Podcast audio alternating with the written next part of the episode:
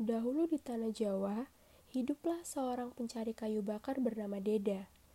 Dia bersama istri dan ketiga anaknya hidup sangat sederhana di sebuah gubuk yang terletak di pinggir hutan.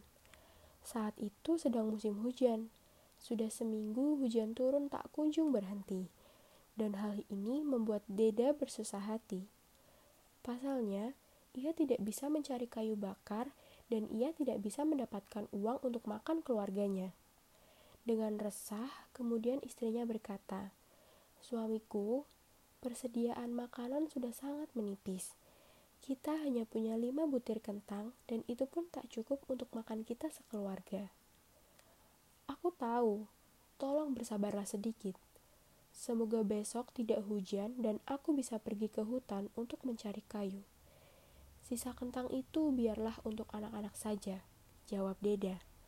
Suatu hari, ada seorang pengemis yang kedinginan dan kelaparan mengetuk rumah Deda. Pengemis itu terlihat kelaparan dan ia pun tidak tega.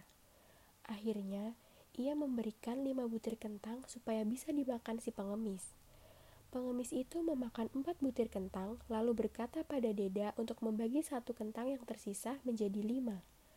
Saat ia membagi kentang tersebut, kelima irisan tersebut menjadi lima buah kentang. Jika satu butir diiris lagi, maka akan bertambah terus.